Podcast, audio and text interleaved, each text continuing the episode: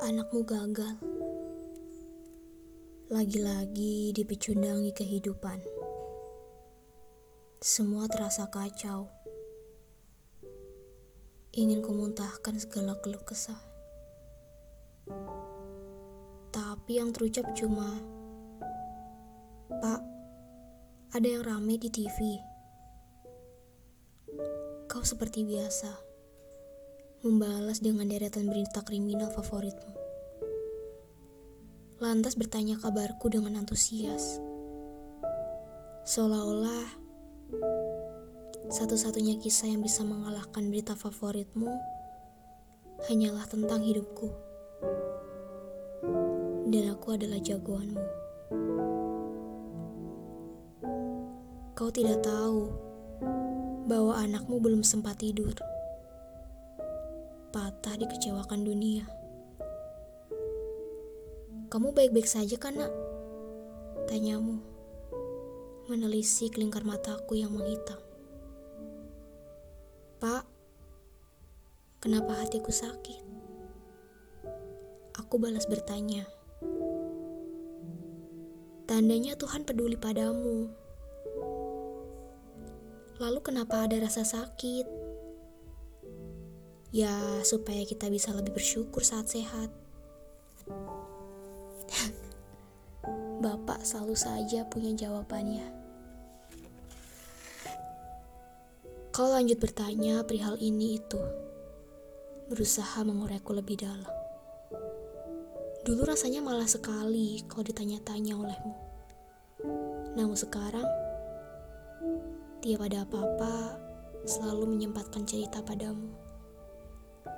Aku tahu Bapak tidak mengerti aku ngomong apa, tapi melihatmu antusias, rasanya hangat sekali. Kemudian, kulihat kau dengan lebih seksama. Rambutmu yang kian memutih, wajahmu yang kian berhiaskan keriput. Di lelahmu, masih saja kau pikirkan kebahagiaanku. Kau meminta air hangat. Kuambilkan. Akhir-akhir ini ku sadari kau sudah tidak bebas lagi bergerak. Kerap terduduk letih di kursi favoritmu. Kau kemudian bercerita tentang masa mudamu, tentang perjalanan hidup, hingga akhirnya aku lahir. Katamu, aku anugerah yang kian dewasa, kian pintar melawanmu. Tapi masih saja kau sayangi sepenuh hati. Seakan-akan berapapun banyaknya dosaku, tak sebanyak doamu. Berapapun banyaknya salahku, tak pernah sebanyak pintu maafmu. Bapak, setua apa pun aku, akan tetap menjadi anak kecil di matamu.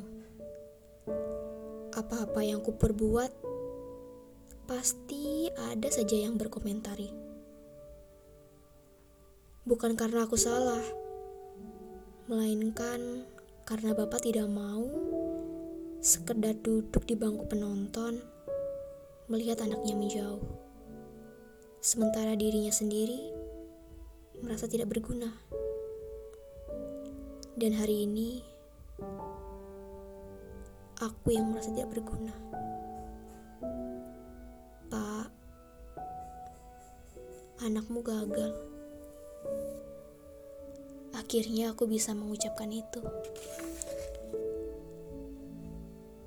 Kau mengusap rambutku sembari tersenyum. Kan masih ada hari lain. Nanti coba lagi ya. Sekarang istirahat dulu. Aku ikut tersenyum. Bapak selalu saja bisa menyederhanakan apa-apa yang rumit. Terima kasih ya, Pak.